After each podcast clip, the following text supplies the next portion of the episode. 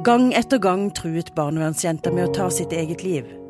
Så angrep hun og tok livet av en uskyldig 17-åring. Hun var i barnevernets omsorg og fikk psykiatrisk hjelp. Hva gikk galt? Jenta på broa, en podkast fra Federlandsvennen. Mitt navn er Conny Bensrud. Helt siden 24 år gamle Kristine Aanland ble knivstukket, og 17 år gamle Marie Skuland ble drept på Sørlandssenteret sommeren 2017, har kollega Eivind Christensen og jeg forsøkt å finne ut hvordan det kunne skje. Hvordan kunne en 15-åring, i realiteten et barn, ende opp siktet for drap? Vi har ikke alle svar, men kanskje noen forklaringer.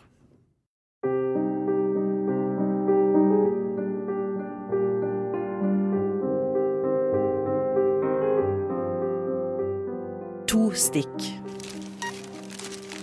Onsdag 26. juli 2017. Det er fellesferie og en varm ettermiddag. Sørlandssenteret har likevel lokket mange mennesker innendørs. Barnefamilier, unge og eldre. Alt er som det pleier. I barneavdelingen inne på butikken Coop Ops er 17 år gamle Marie Skuland på jobb som sommervikar. Den tøffe, blide jenta fra Tveit har bare noen få timer igjen av vakta. Samtidig på Hornes, en 50 minutter lang biltur unna. Ei 15 år gammel jente har nettopp gått ut av døra i huset der hun bor sammen med tre voksne mennesker. Barnevernsinstitusjonen er den siste i en lang rekke for jenta, på under ett år. Hun har rømt, truet med å ta sitt eget liv, angrepet ansatte og knust inventar gjentatte ganger. På Hornes skal hun holdes øye med hele døgnet, det er bestemt. Men denne ettermiddagen får hun likevel ta seg en tur alene i skogen. Hun har lovet å holde seg i nærheten av huset, men ved firetiden setter hun seg inn i en bil. Via sosiale medier har hun avtalt å bli plukket opp av sjåføren, en mann vi ikke kjenner navnet på. De kjører mot Kristiansand. Utenfor Sørlandssenteret setter mannen henne av. 15-åringen går alene inn på Coop Ops. I kjøkkenavdelingen tar hun en 20 cm lang kokkekniv ned fra hylla. Så går hun de få meterne inn i barneavdelingen. Ingen kunder eller kolleger ser at Marie Skuland ble knivstukket i magen. Jeg hørte noen rope om hjelp, forteller Radoslav Tsjimelevskij til Federlandsvennen i dag. 26. juli i fjor er han på handletur med kona og sønnen på åtte år. Han ber familien bli stående der de er, og løper mot hvor skrikene kommer fra. Marie ligger nede, puster, men er tilsynelatende ikke ved bevissthet. En annen mann er på plass, han holder på magen hennes og sier at hun må ha blitt stukket med kniv. Skaden er stor. Så våkner hun plutselig. De spør henne om hun vet hvem som har skadet henne. Hun svarer nei. Tsjimelevskij spør hva hun heter. Jeg heter Marie Skuland, jeg er 17 år. Tsjimelevskij legger merke til ID-kortet hennes. Fy faen, tenkte jeg, hun er sommervikar, hun er bare her for å tjene litt penger, ei jente som vil noe, sier han til Federlandsvennen. Samtidig ved selvbetjeningskassene er 24 år gamle Kristine Aanland i ferd med å skanne varene sine. Hun blir 15-åringens neste offer. Jeg kjenner plutselig at jeg får utrolig mye smerter i siden, for meg kjentes det ut som jeg fikk et skikkelig støt, sier Aanland senere i et intervju i menigheten Philadelphia. Aanland ser jenta løpe forbi, tar hånden ned og kjenner blodet som renner. På gulvet er det mere blod. Jeg tenkte at hun må ha gjort noe med meg, hun må ha skadet meg, og så husker jeg at jeg tenkte, har jeg blitt knivstukket, er det mulig, går det an, sier 24-åringen senere. Sammen med den andre mannen forsøker Tsjimelevskij å holde liv i Marie. Så får han høre av en ansatt ved Coop Ops at det ligger enda en knivstukket person i butikken. Tsjimelevskij tenker på sin egen familie og blir redd.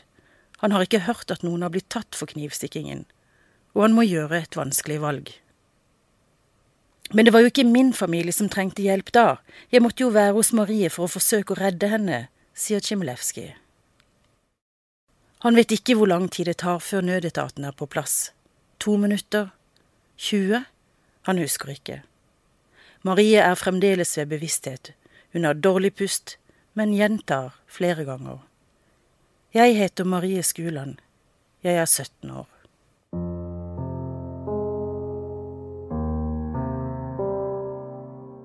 Begge kvinnene er i live når de fraktes til sykehus. Der dør Marie Skuland. Kristine Aanland er innlagt i flere uker, men kommer fra det i live. Politiet fikk i går eh, ettermiddag en melding om at det hadde vært knivstikking på Sørlandssenteret i Kristiansand. Saken får stor oppmerksomhet. Det er tredje gang barn tar liv på Sørlandet de siste to årene. Tolv minutter etter at politiet fikk den meldinga, så pågrep de ei 15 år gammel jente. Og det ble raskt klart at 15-åringen som står bak, har vært omtalt i mediene før. Dette er jenta fra Varoddbrua. Gang etter gang har hun stått utenfor rekkverket og truet med å hoppe. Hennes innlegg på nettet om sitt eget liv, om barnevernet, psykiatrien og politiet har blitt delt en rekke ganger på sosiale medier. Det har hele veien vært et rop om hjelp. Jeg har vist min frustrasjon, fortvilelse og tristhet med alvorlige, drastiske handlinger. Det er ikke den drapssiktede jentas egen stemme du hører. Sitatene er lest av en jente på samme alder. Jeg visste ikke selv hva jeg ville, eller hva som kunne hjelpe meg. Jeg visste bare at noen måtte gjøre noe. Jeg ville få i gang en varsellampe hos noen. Et varsel om at noe er i ferd med å skje skrev 15-åringen i et innlegg på nettstedet Sykmagasinet fem måneder før angrepet på Sørlandssenteret. Federlandsvennen har snakket med mange kilder, og vi har forsøkt å danne oss et bilde av historien til den nå 16 år gamle jenta. Vår kartlegging viser hvor ekstremt turbulent det siste året før drapet var for henne. Minst 30 ganger har hun vært på ulike broer i Sør-Norge og hoppet eller truet med å hoppe. 107 ganger var hun registrert i politiets operasjonslogg. 89 av gangene etter nyttår 2017, fram til knivstikkingen. Minst 37 ganger skal hun ha utagert, enten truet andre mennesker, brukt vold eller knust inventar eller vinduer. Hun skal ha oppholdt seg på 20 ulike barnevernstiltak og institusjoner i Sør-Norge. Minst 40 ganger ble hun fraktet til legevakter ulike steder. Legevakta i Kristiansand har alene tatt imot henne drøyt 30 ganger. Minst 19 ganger har hun vært innlagt i psykiatrien ulike plasser i Sør-Norge. Over 60 ganger byttet hun seng, fra august 2016 fram til foreløpig siste stoppested, Bjørgvin ungdomsfengsel i Bergen. I løpet av dette året brukte det offentlige hjelpeapparatet enorme ressurser for å hjelpe 15-åringen. Men utageringen eskalerte. Episodene ble mer dramatiske og truende, og hun ga selv uttrykk for at hun ikke fikk den hjelpen hun hadde behov for. Jenta var under barnevernets omsorg og fikk behandling i psykiatrien. Likevel ser ikke ting ut til å ha blitt bedre for henne, heller verre. Men det alle spør seg er hva kunne vært gjort for at ikke to uskyldige mennesker skulle bli knivstukket? Hvorfor klarte ikke systemet å forhindre dette? I etterpåklokskapens lys er kanskje det eneste som kunne ha unngått det tragiske på Sørlandssenteret, at hun hadde blitt sperret inne, og at man under tvang hadde gitt henne behandling i gode og kontrollerte former, sier jentas tidligere fosterfar til Federlandsvennen men han vet at hjelpeapparatet har lover og regler å forholde seg til. I denne saken har alle lidd. Ting har ikke blitt bedre. Kanskje må loven endres for å få til varig endring hos en person.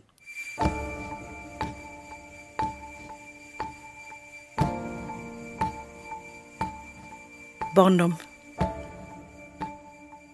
Ei bygd i Troms like før jul i 2001. Hun er den yngste av seks søsken, og den eneste som blir født i Norge. Familien flyktet fra et krigsherjet land året før. Men livet i Norge blir ikke så enkelt.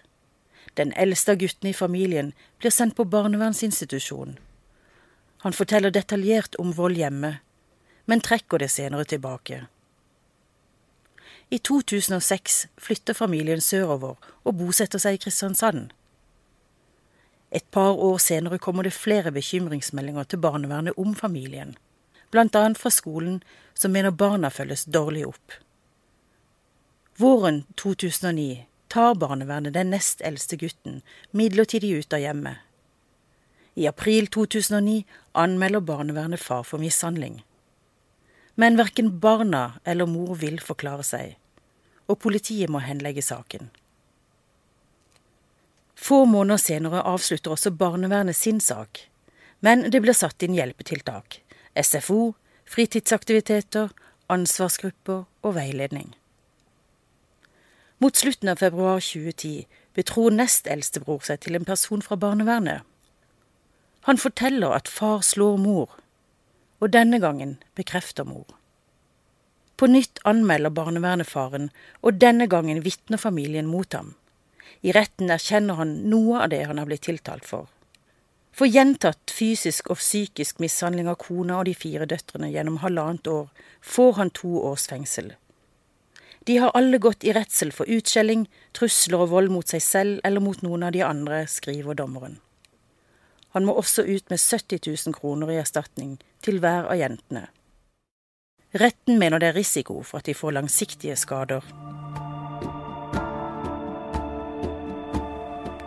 Selv beskriver jenta barndommen slik.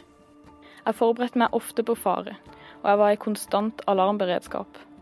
Jeg ble hjelpeløs når det gjaldt å håndtere vanskelige følelser, og det var lite et barn kunne gjøre for å skjerme seg mot dette. Dette utviklet seg til absurde forsvarsmekanismer. Innlegget er fra Syk-magasinet i februar 2017. Etter dommen blir mor skilt fra far og bor sammen med sine fire døtre. På nyåret i 2012 rapporterer skolen om at den da ti år gamle jenta er mye borte. De mener hun har en negativ utvikling. Hun får nå sitt første møte med ABUP, Avdeling for barn og unges psykiske helse på Sørlandet sykehus. De mener hun kan lide av posttraumatisk stresslidelse etter det hun har opplevd hjemme. Fedrelandsvennen får opplyst at det er vanskelig å utrede henne. Hun ønsker ikke å snakke med terapeuten. Hun bytter skole, men skulker mye. Og etter sommeren begynner hun på nok en ny skole. Fram til midten av oktober møter tiåringen der kun to ganger. Etter det Federlandsvennen kjenner til, skal hun flere ganger ha vært både truende og voldelig mot mor, også når barnevernet er til stede. I juli 2012 forteller jenta barnevernet at hun ikke vil bo hjemme lenger. Hun vil til et fosterhjem. Rett over nyttår 2013 overtar barnevernstjenesten i Kristiansand omsorgen for jenta.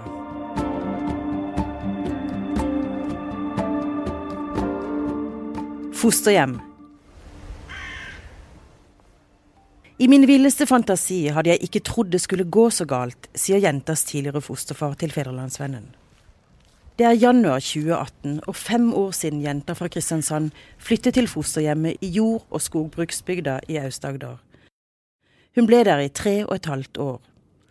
At hun skulle komme til å ta et annet liv, er vanskelig å fatte for familien. Vi føler en stor sorg. Hun var ikke vårt biologiske barn, men du blir jo glad i et menneske du har brukt så mye tid på, sier fosterfar. I 23 år har han tatt seg av barnevernsbarn. Denne jenta var en av dem han hadde mest tro på. Vi var kommet så langt med henne, og hun hadde en så utrolig bra utvikling. I 2013 er planen at elleveåringen skal være der gjennom hele oppveksten sin.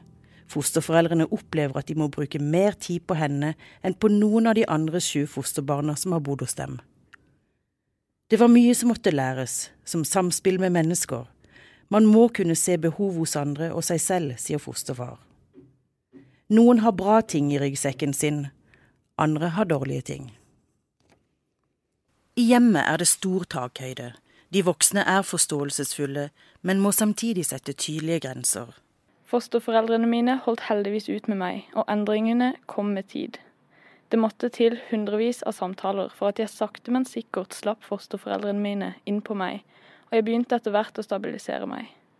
Jeg utviste normal høflighet og fikk en atferd som var i tråd med normale normer og regler.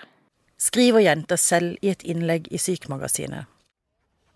Etter hvert glir hun inn i lokalsamfunnet og får venninner. Bygdas fotballag blir en naturlig del av livet, og hun står på, med treninger flere ganger i uka, og kamper i helgene. Jeg sier ikke at vi var perfekte, det er ingen, men vi gjorde så godt vi kunne. Det er ikke slik at jeg snur meg og tenker at ting skulle vært gjort annerledes, sier fosterfar i dag.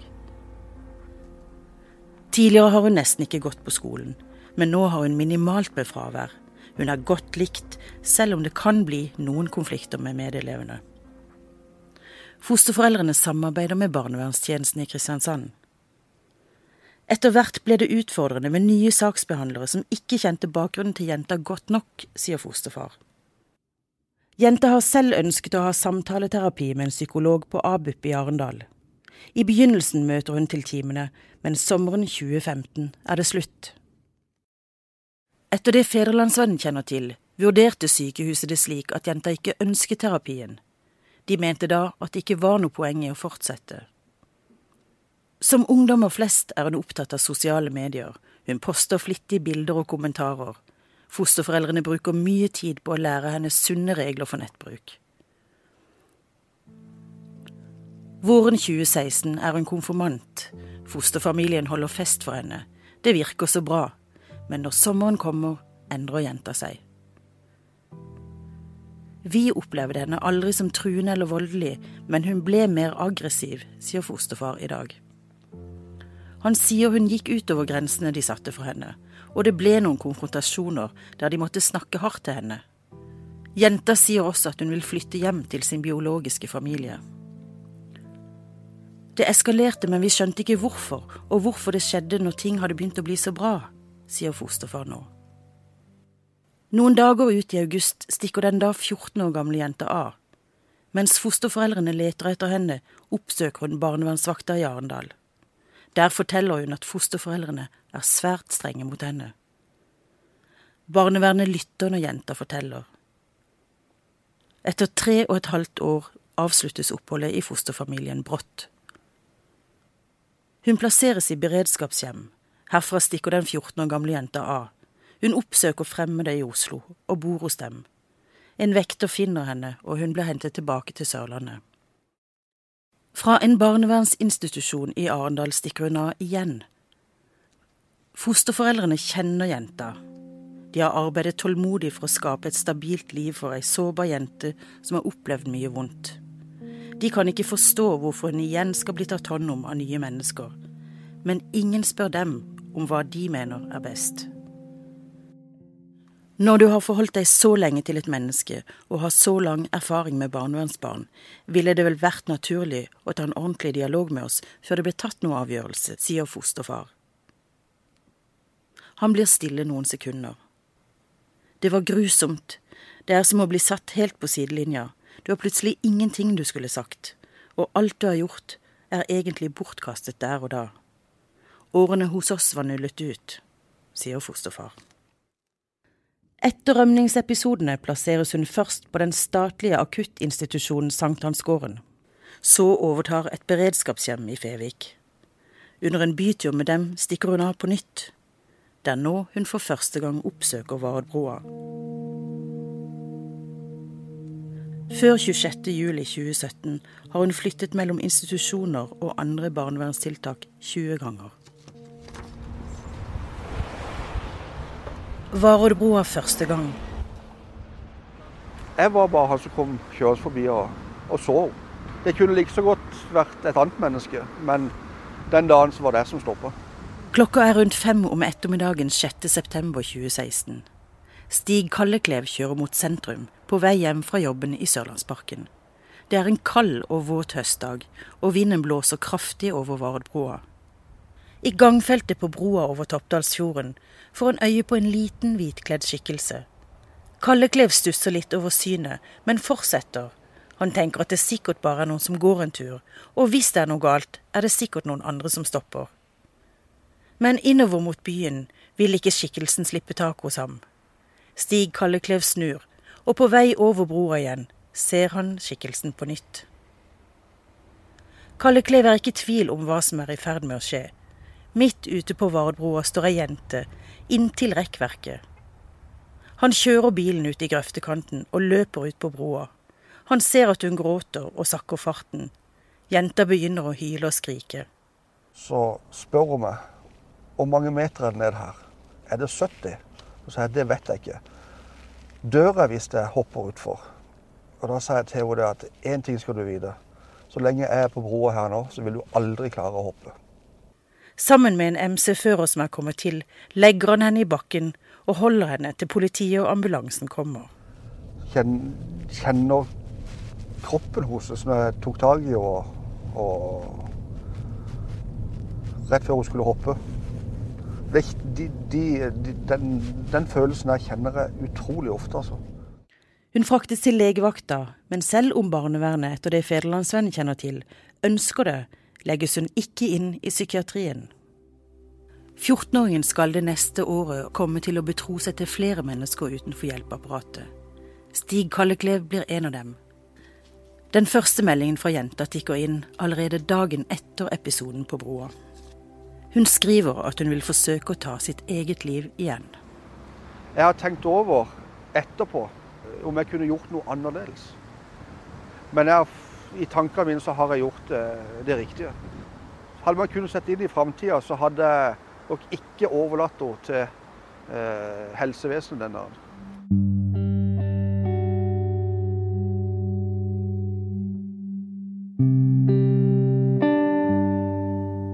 Tvang. Barn med store atferdsproblemer kan etter barnevernloven plasseres i institusjon mot sin vilje. Etter episoden på Vardbroa brukes tvangsparagrafen for første gang mot jenta, og hun flytter inn på barnevernsinstitusjonen Sankthansgården i Kristiansand. Vedtaket er akutt og gjelder derfor bare i fire uker, men det betyr at personalet har flere muligheter til å hindre at hun drømmer eller oppsøker farlige miljøer. Federlandsvennen får opplyst at det i en liten periode fungerer bra på sankthansgården. Men så oppstår nye situasjoner. Jenta må holdes fysisk av personalet i mange timer for ikke å skade seg selv. Hun har nå hatt flere møter med en psykolog som hun det neste året skal ha jevnlige samtaler med. Han arbeider i akuttambulant enhet på ABUP, og får en viktig rolle i arbeidet med jenta. Når beslutninger skal tas, blir han lyttet til.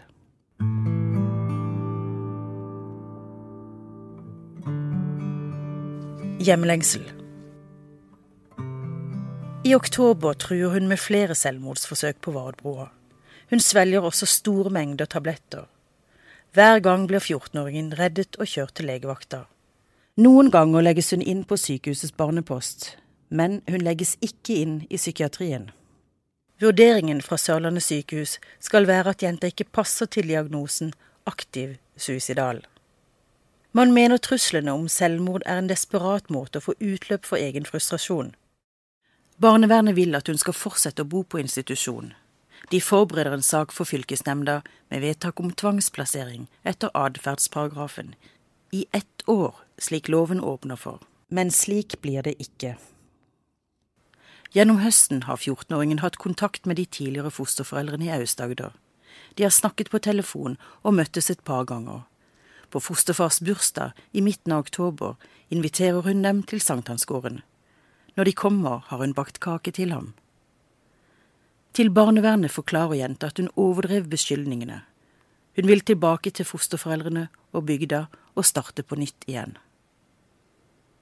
I november får hun flytte tilbake slik hun ønsker. Men fosterforeldrene merker raskt at hun ikke er den samme som før.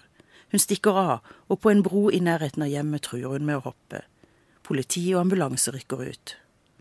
Når hun er på rømmen igjen, inntar hun også store mengder tabletter. De kom hjem til oss med henne etter at hun var blitt pumpet for tabletter. Vi tenkte at nå må de legge henne inn. Men det skjedde ikke. Det var frustrerende å oppleve, sier fosterfar. I ettertid mener han at returen til dem ble for brå, vi hadde ønsket oss at den første tiden gikk gradvis, vi trodde av hele vårt hjerte at hun ønsket å finne tilbake til livet sitt, men vi visste at det var skjedd så mye dramatisk den høsten, og kunne ikke være sikre på det, sier fosterfar. Desember kommer, og jenta fyller 15. Noen dager senere feirer hun julaften i fosterhjemmet. Men nyttårsaften blir hun reddet av brannvesenet etter å ha hoppet ut i det kalde vannet i Pollen i Arendal. Det blir umulig for fosterforeldrene å ha henne boende. Dermed må hun flytte på nytt. Nå skal hun for første gang bo i enetiltak, med kun voksne rundt seg, plassert etter omsorgsparagrafen i barnevernloven, uten strenge rammer rundt seg. Selskapet Serio driver en institusjon i Mandal, og nye mennesker skal forsøke å gjøre livet stabilt for henne. Det begynner bra, og hun tar selv kontakt med fotballaget i byen for å trene med dem. Det lages også et opplegg for å få henne tilbake på skole, men så skjer det igjen. Hun stikker av, og som oftest ender hun på Vardbroa. Minst 30 ganger har hun vært på ulike broer i Sør-Norge og hoppet eller truet med å hoppe.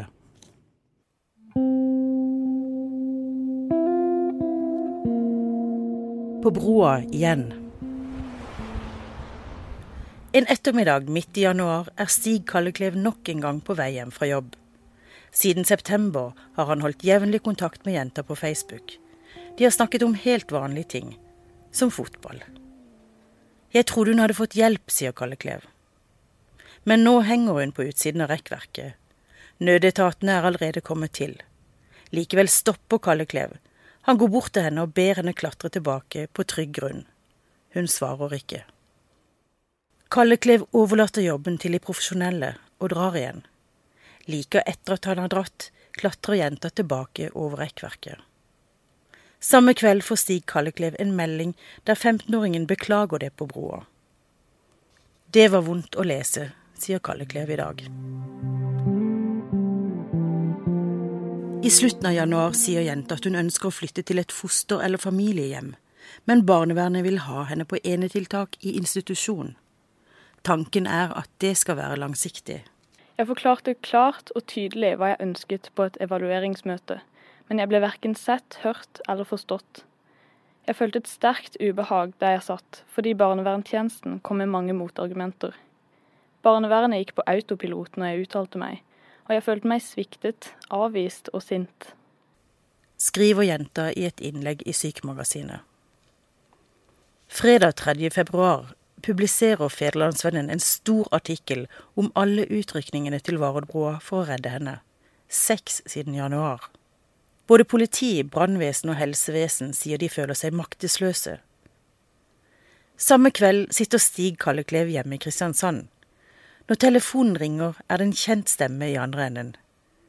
Jenta forteller at hun er innlagt på ungdomspsykiatrisk avdeling i Arendal.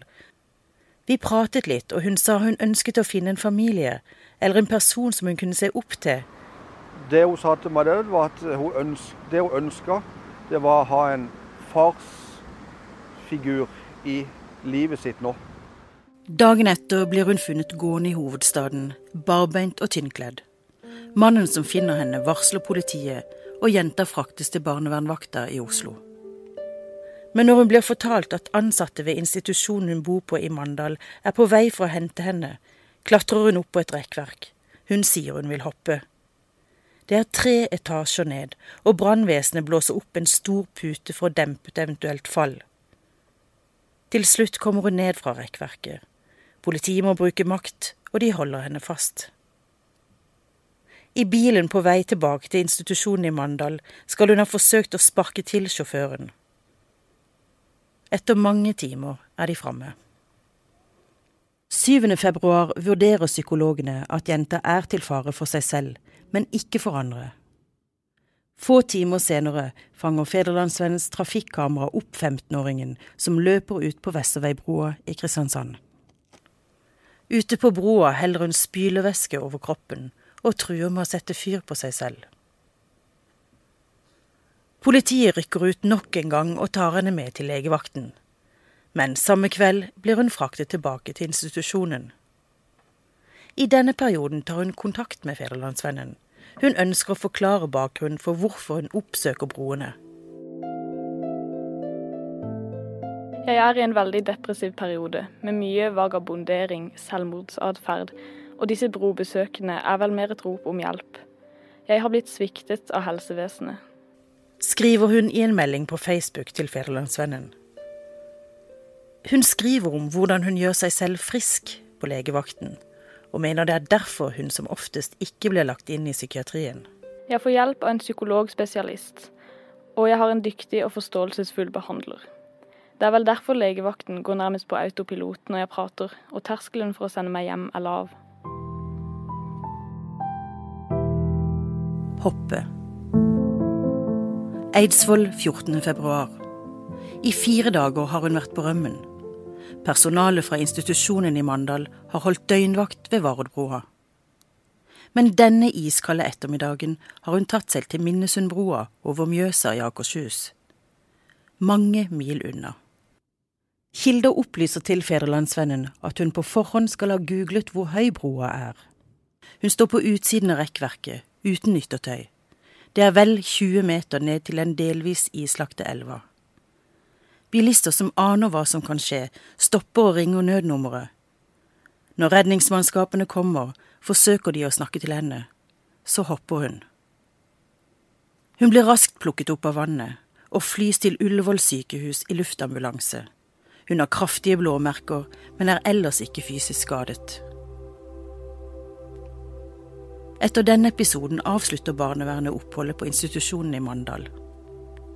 24. februar blir 15-åringen kjørt til det statlige klokkerhuset i Skien. Som andre ungdommer på institusjonen må hun følge husregler, men ellers har hun stor frihet.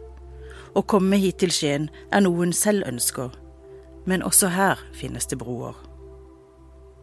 Et par dager etter ankomst blir hun reddet av politiet når hun står på utsiden av rekkverket på Menstadbroa. Fra legevakta går veien videre til akuttpsykiatrien. Men hun blir vurdert som stabil og utskrevet. Dagen etter står hun igjen på Menstadbroa. På nytt blir hun ført til akuttpsykiatrien i Skien, og derfra tilbake til ungdomsklinikken i Arendal. Jenta skal ha blitt brakt til legevakta over 40 ganger fra august 2016 fram til juli 2017. I Kristiansand ble hun vurdert på legevakta over 30 ganger i samme periode. Denne runddansen får hjelpeapparatet til å spørre seg om hvem som har hovedansvar for jenta. Etter det Federlandsvennen kjenner til, er alle enige om at 15-åringen hører hjemme i psykiatrien. Men hun er et barn, og verken vurdert som psykotisk eller suicidal. Derfor mener man at både tvangsinnleggelse eller et langvarig tilbud i psykiatrisk institusjon er utenfor loven. Konklusjonen er at det ikke finnes noe tilbud som passer.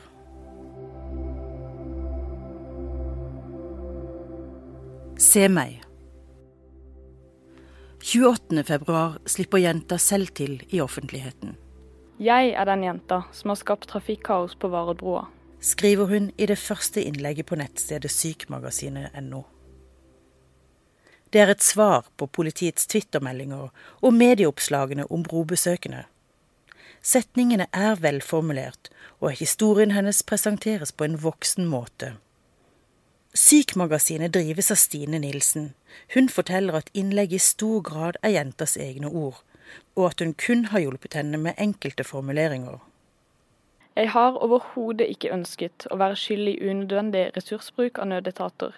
Hvis man kan si at det å hjelpe noen som ønsker å ta sitt eget liv, er unødvendig. Skriver 15-åringen i innlegget. Etter dette tar jenta på nytt kontakt med Federlandsvennen og nyhetsredaktør Jonas Mjåland har flere samtaler med henne. Hun eh, ga et veldig sterkt inntrykk, for det var en utrolig oppegående eh, jente med et eh, veldig voksent ordforråd. Eh, det kunne vært en, eh, ja, en eh, voksen jente på, på, på 25 år som, som henvendte seg. Redaktørene vurderer kontinuerlig om de skal la en så ung jente, et barn tross alt, komme til orde i avisen. De gangene jenta står på Vardbroa, er det som regel ettermiddagen, midt i rushtrafikken. Mange hundre mennesker blir vitne til at hun truer med å hoppe. Andre tider på døgnet velger hun broer og steder hvor Federlandsvennen eller andre medier har trafikkamera. Det eh, sa hun egentlig rett ut, at uh, hun oppsøkte steder uh, som vi hadde webkamera, som våre da, lesere kunne, kunne, se hun bevege seg på, på Varedbroa. Og så, når vi slo, slo av det kameraet på Varedbroa, så gikk hun da på, på Vesterveibroa, der vi også har et trafikkamera. Så det var nok helt Eller det var helt, helt bevisst. Sier Mjåland. Etter dette velger Federlandsvennen en periode å slå av sine trafikkameraer på broer i Kristiansand. Like før påske tar avisens redaktører også beslutningen om at jenta ikke får stå fram i avisen. Først og fremst dette med at det er et, et barn eh, det, det, er snakk om, som tydeligvis er en ekstremt vanskelig situasjon.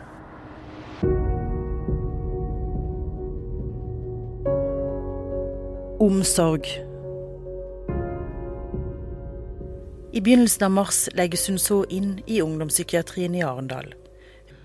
8. mars har Bufetat møte med flere leverandører av barnevernstiltak. Jenta får selv delta på møtet for å snakke om seg selv. Hun blir utskrevet fra ungdomsklinikken 10. mars og skal bo på Sankthansgården i Kristiansand. Med støtte fra jentas psykolog kommer barnevernet til at å bruke tvang mot 15-åringen øker faren for selvmord. Tvang funker vel generelt dårlig på alle, men det funker ekstremt dårlig på meg. Jeg blir syk av rammer, låste dører, overvåkning og sikkerhetsrunder. Dette er triggere som forverrer livssituasjonen, og da går jeg i flight-modus. Dermed blir det plassering etter omsorgsparagrafen, med frihet som andre ungdommer. Jenta kan nå ikke nektes å forlate institusjonen, og det får nødetatene snart merke. 13. mars tar en oppgitt operasjonsleder i politiet kontakt med barnevernet. Tre ganger på vel ett døgn har politiet rykket ut til Varoddbrua. Etter politiloven pålegger han barnevernet å få kontroll på 15-åringen. Selv om andre ikke gjør jobben sin, må nødetatene rykke ut. Det er jo åpenbart at jenter trenger hjelp, sier operasjonsleder Per Christian Clausen på dette tidspunktet til Federlandsvennen. Han mener jenta får for mye frihet. Tilbudet hun får er sannsynligvis ikke godt nok når hun får lov til dette. Men det får barnevernet, fylkeslegen og barne- og ungdomspsykiatrien svare for, sier Klausen. Politiet skal redde liv, men operasjonslederen minner om at jenta også setter andres liv i fare. Hun kan dra andre med seg i fallet. Barnevernslederen i Kristiansandsregionen svarer på dette tidspunktet at politiet ikke kan pålegge barnevernet noe som helst. Jeg har full forståelse for at det er en fortvilet situasjon, sier Monica Brynner til Federlandsvennen. For nødetatene å rykke ut slik gang etter gang, men det er også begrenset hvilke muligheter vi har til å stanse dette. 10.1.2017 Varebrua politiutrykning. 12.1 Varebrua politiutrykning. 15.1 Varebrua politiutrykning. Før 26.07.2017 har jenta blitt omtalt i politiets logg 107 ganger. 89 av loggføringene er episoder fra første halvår i 2017. 2.2 Varebrua politiutrykning. 2.2 Mandal politiet tilkalt etter rømming fra institusjonen. 4.2 Oslo. Politiet fant henne etter rømming. 6.2 Varebrua. På rømmen. Etter sankthansgården blir 15-åringen flyttet til et nytt beredskapshjem. Men jenta utagerer mer og mer. 24. mars rømmer hun fem ganger. Hun oppsøker Vardbroa, blir hentet inn av politiet, rømmer og henger seg etter armene i åpningen av det vestlige løpet til Baneheitunnelen. På barnevernsvakta i Kristiansand knuser hun møbler og utagerer mot de ansatte. Flere ganger samme kveld stikker hun av gjennom vinduet. Fire dager senere smeller det igjen. Hun har fått nytt tak over hodet, denne gangen i Moss. En tredje privat barnevernsaktør har kommet på banen, Næromsorg Sør. Nye mennesker igjen. Hun stikker av og blir funnet av de ansatte i byen. De må ha hjelp av politiet for å få kontroll på jenta. 15-åringen må holdes nede og blir påsatt håndjern. Det går som så mange ganger før. Jenta roer seg, smiler og snakker. Men tilbake på institusjonen lar hun det på nytt gå utover inventar. Det kommer også trusler mot de ansatte. Politiet som tilkalles, må beskytte seg med skjold. Hun legges inn på ungdomspsykiatrisk i Østfold der møter hun nye fagpersoner som ikke kjenner henne.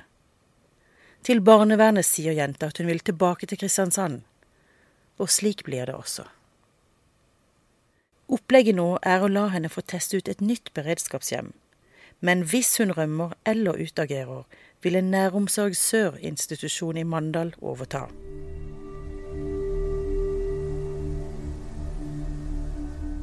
Trusler og vold. Påska 2017. Det har vært voldsomt før, men nå eskalerer det. Kilder Fedrelandsvennen har snakket med, mener at jenta i denne perioden endret seg. Hun gjør nå ting som helt klart kan skade andre. Er det et virkemiddel for å oppnå det hun ønsker? Et rop om oppmerksomhet eller hjelp? 15-åringen ble funnet av politiet etter å ha stukket av fra sitt nye beredskapshjem. Denne gangen finner politiet en kniv på henne. Jenta har også brutt tilliten hun fikk fra barnevernet, og politiet frakter henne til institusjonen i Mandal. Hun skal senere ha blitt anmeldt for å ha båret våpen på offentlig sted. Framme i Mandal må politifolkene bruke makt mot henne utenfor bygningen. Hun ble lagt i bakken og påført håndjern. Når politiet drar, rømmer hun etter kort tid, men blir funnet igjen. Dette gjentar seg flere ganger de neste timene. Inne på institusjonen kaster hun også stoler og knuser vinduer. Hun tar opp glassbitene og truer de ansatte. De frykter for livene sine. Utenfor går hun løs på to av bilene til Næromsorg Sør. Men psykiatrien vil ikke legge henne inn. Utslitt ber personalet politiet om assistanse, og i flere døgn er de til stede for å holde vakt over jenta.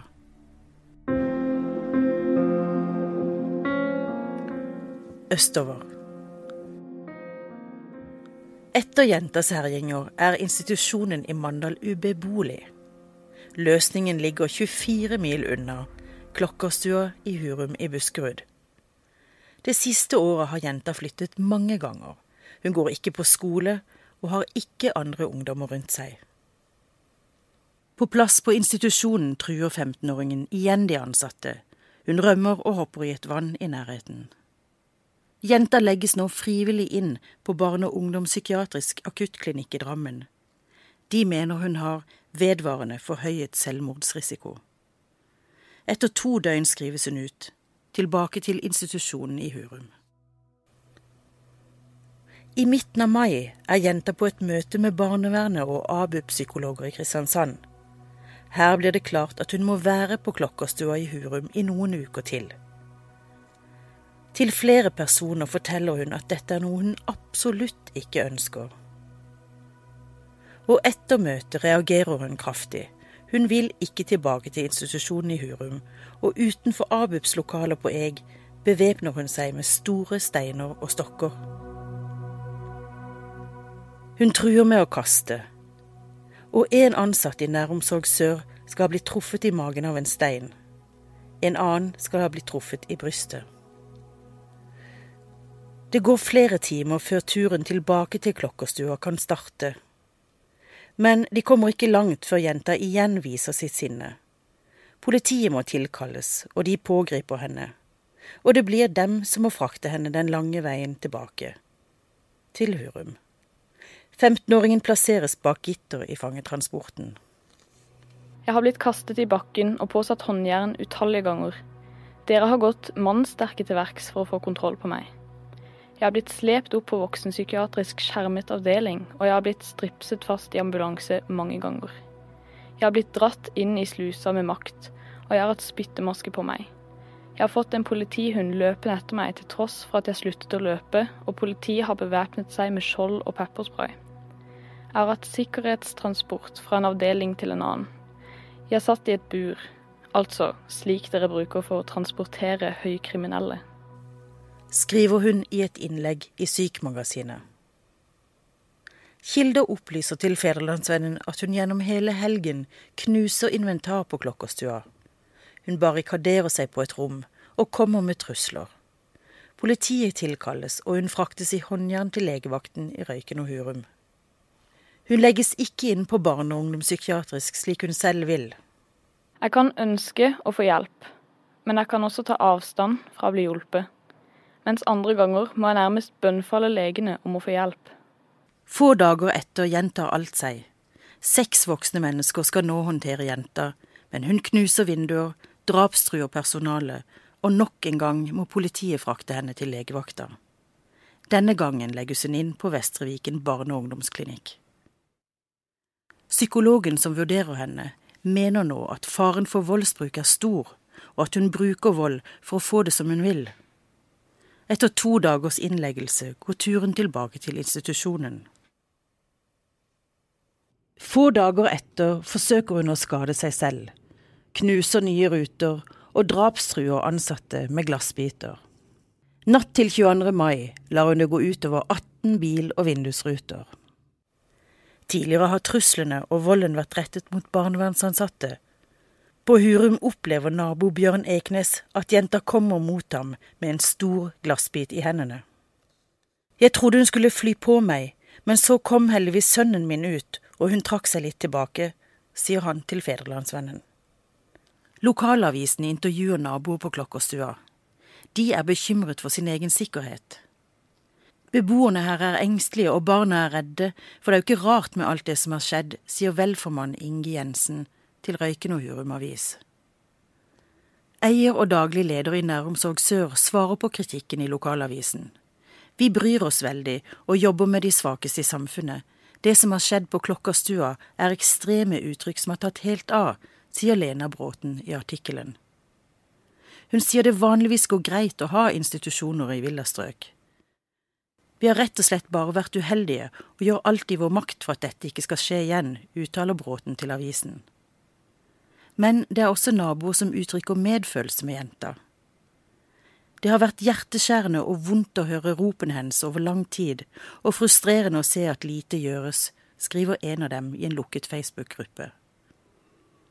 Daglig leder og eneeier i Næromsorg Sør, Lena Bråten, har ikke ønsket å kommentere hendelsen overfor Federlandsvennen.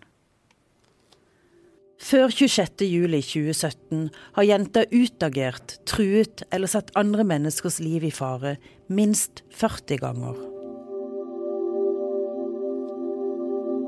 Nytt hjem. 15-åringens herjinger har gjort huset i villastrøket i Hurum umulig å bo i. Hun må flyttes igjen. Men hva skal barnevernet gjøre nå? Gjentatte ganger har hun knust vinduer og truet med glassbiter. Løsningen blir midlertidig. I noen få dager er hun tilbake på en NOS-institusjon i Moss, hvor hun har vært før. Samtidig jobber barnevernet med å fremme en sak om langvarig plassering nærmere Kristiansand. Og 2. juni kan hun flytte tilbake til Sørlandet. Ved rv. 9 på Hornes i Aust-Agder ligger et hus. Her flytter jenta inn sammen med tre voksne mennesker. Den er naken og lite hjemlig, med pleksiglassvinduer i rammer utenfor de egentlige vinduene, skriver fylkesmannen etter et tilsyn høsten 2017 og føyer til at den fremstår som uegnet som institusjon. Da har en annen ungdom overtatt plassen, men Næromsorg Sør svarer fylkesmannen med at huset ble innredet og tilpasset tidligere beboer. Disse tilpasningene var faglig fundert og informert om til Bufetat. Boligen ble godkjent av Bufetat, skriver Næromsorg Sør i sitt tilsvar til fylkesmannens kritikk.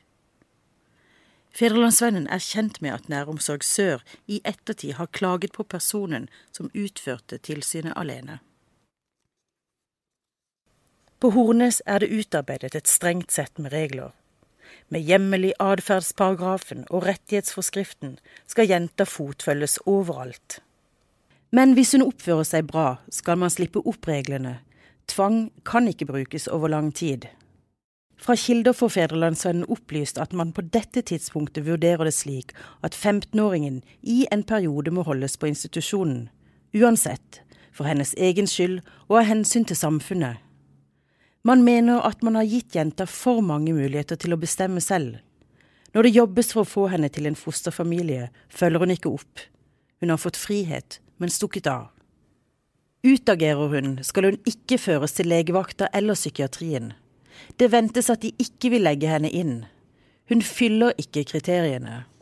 Federlandsvennen får opplyst at planen nå er at jenta skal bo på Hornes i ett år hvis fylkesnemnda godtar barnevernets opplegg. Men jentas utageringer fortsetter. Under en handletur på Kiwi i Evje sentrum kaster hun ølflasker rundt seg inntil hun ble tatt hånd om av politiet og de ansatte på institusjonen.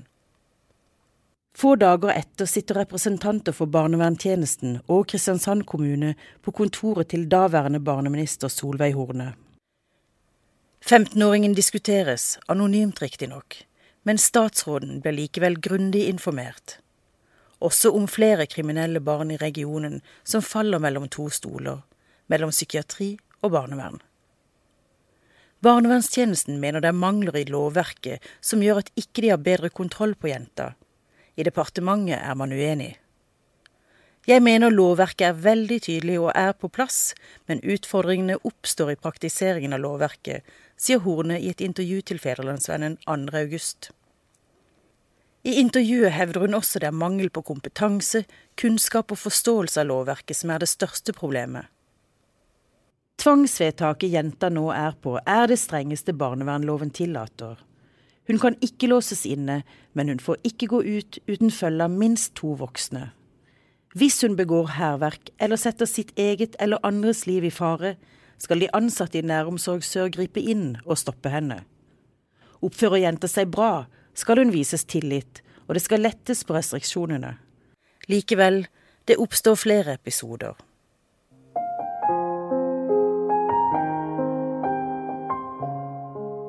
På rømmen igjen. Seks dager før den fatale knivstikkingen. Finn Kolstad jogger sammen med en kamerat langs Otra i Kristiansand. Han får øye på 15-åringen, som truer med å hoppe i elva. Mennene griper inn og får henne bort fra kaia. Jenta forteller at hun har tatt en overdose med tabletter. Hun blir urolig og løper ut i veien. Kolstad og kameraten får fatt i henne og holder henne nede mens de venter på politi og ambulanse. Så ringer jentas telefon. Kolstad tar den og snakker med en person som trolig er en av dem som skulle passe på henne. For Kolstad virker det som om personen ikke visste hvor 15-åringen var. Det som overrasker meg mest, er at hun får lov til å gå fritt omkring etter denne episoden, slik at hun seks dager senere kan rømme til Kristiansand igjen, sier Finn Kolstad senere til Federlandsvennen. Skrik. 25. juli forlenges vedtak om begrensninger i jenters adgang til å bevege seg utenfor og innenfor institusjonen. Det blir 26. Jenta står opp rundt klokka 14 og virker rolig, ifølge Federlandsvennens kilder. Og til tross for rømming og utagering uka før, får jenta gå tur alene på Hornes. Men hun kommer ikke tilbake slik hun lovet. Politiet blir ikke varslet før personalet har lett i en time. Dette er i tråd med det som er bestemt for håndteringen av jenta. Når klokka blir halv seks denne dagen, har 15-åringen knivstukket to mennesker hun ikke kjenner. Fra Coop Ops løper hun opp i andre etasje og inn i den gamle delen av senteret. I hånda har hun fremdeles kokkekniven. Den hun har brukt mot Marie Skuland og Kristine Aaneland. Hun passerer skrekkslagne mennesker. De som har sett henne, sier hun gråt, virket hysterisk og skrek om hjelp. Folk gjemmer seg i butikkene, som senker gitrene. En småbarnsfar med barnevogn får ikke løsnet bremsen, han må løfte vogna opp og løper bortover korridoren. Jenta har kommet seg nesten helt gjennom det store senteret. Hun blir stående med ryggen mot rekkverket ned til første etasje.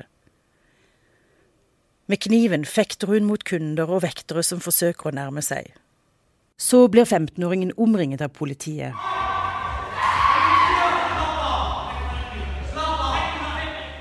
Hei, hei, slapp av, det går bra, sier en av politimennene. Legg fra deg kniven, sier en annen gjentatte ganger. Jenta bøyer seg ned og legger kniven på flisene. Rundt klokka 17.45 blir hun pågrepet. Det er tolv minutter etter at politiet fikk melding om hendelsen på Coop Ops. Hun tas til arresten. Først klokken 18.32 blir hun meldt savnet fra institusjonen på Hornes. Politiet forsøker å avhøre henne samme kveld, men det er umulig. Hun legges inn på ungdomsklinikken i Arendal. Vi skal snu hver stein. Dagen etter drapet administrerende direktør ved Sørlandet sykehus, Jan Roge Olsen, blir intervjuet av mediene. Det siste året har hans ansatte gjentatte ganger tatt imot jenta.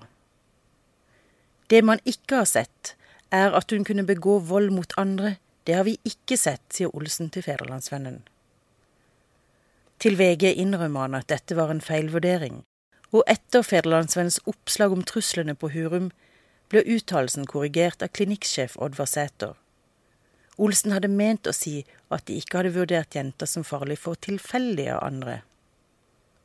Sykehuset har i sin egen rapport om jentas behandling hos dem innrømmet å ha brutt loven med hensyn til mangelfull journalføring.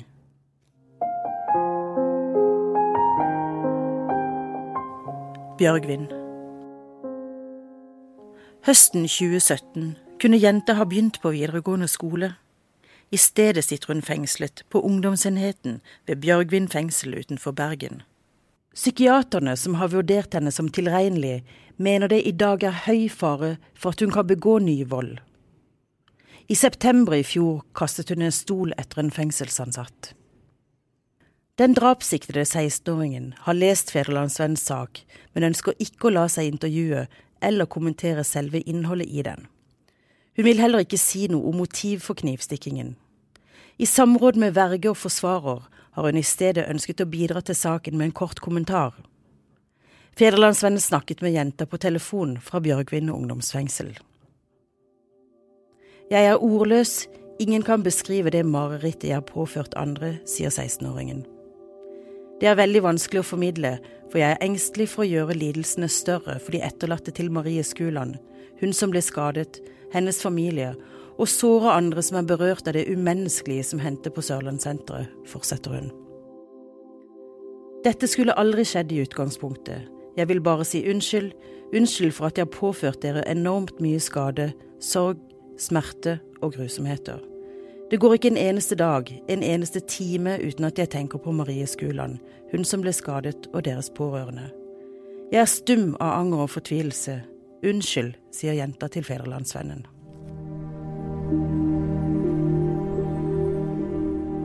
Ettertid 31. august 2017 ble Marie Skuland gravlagt fra Tveit kirke. Blant venner og familie var Radoslav Tsjimelevskij, han som forsøkte å redde 17-åringen på Coop Ops. Det finnes ikke noe verre enn å miste sitt eget barn, stakkars familie, sier han til Federlandsvennen. Han tenker på Marie hver eneste dag. Jeg hadde et håp om at Marie ville overleve.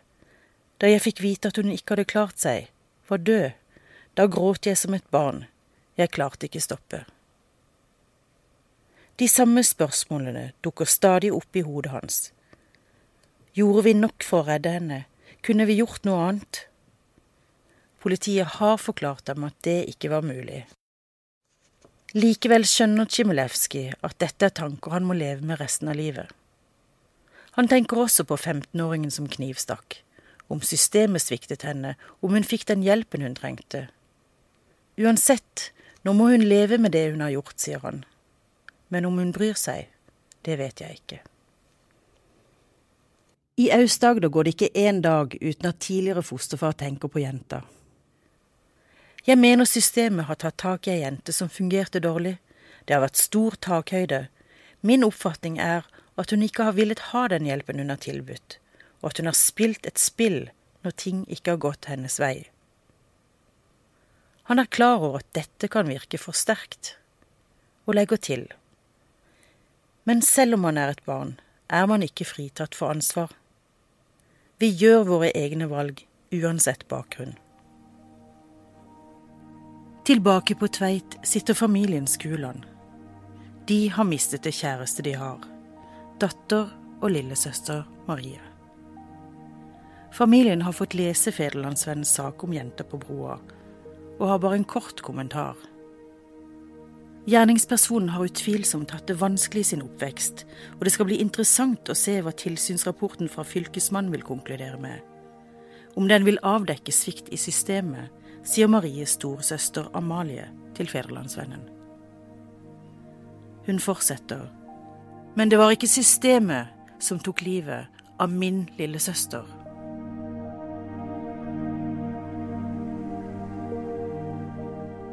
Jenta på broa ble lest av Conny Bensrud med hjelp fra Selma Eikeland og Frank Mersland. Produsent er Jim Rune Bjorvann, og redaktør er Eivind Jøstad. Merknader Kristine Aanland, som overlevde knivstikkingen, ønsker ikke å la seg intervjue nå, men har godkjent at vi bruker sitater fra det hun fortalte i menigheten Philadelphia. Hun har sammen med sin bistandsadvokat fått lese reportasjen før publisering. Den drapssiktede jentas verge og forsvarer har også lest reportasjen. De understreker at det ikke betyr at de godkjenner innholdet. Ingen av dem har ønsket å uttale seg til Federlandsvennen.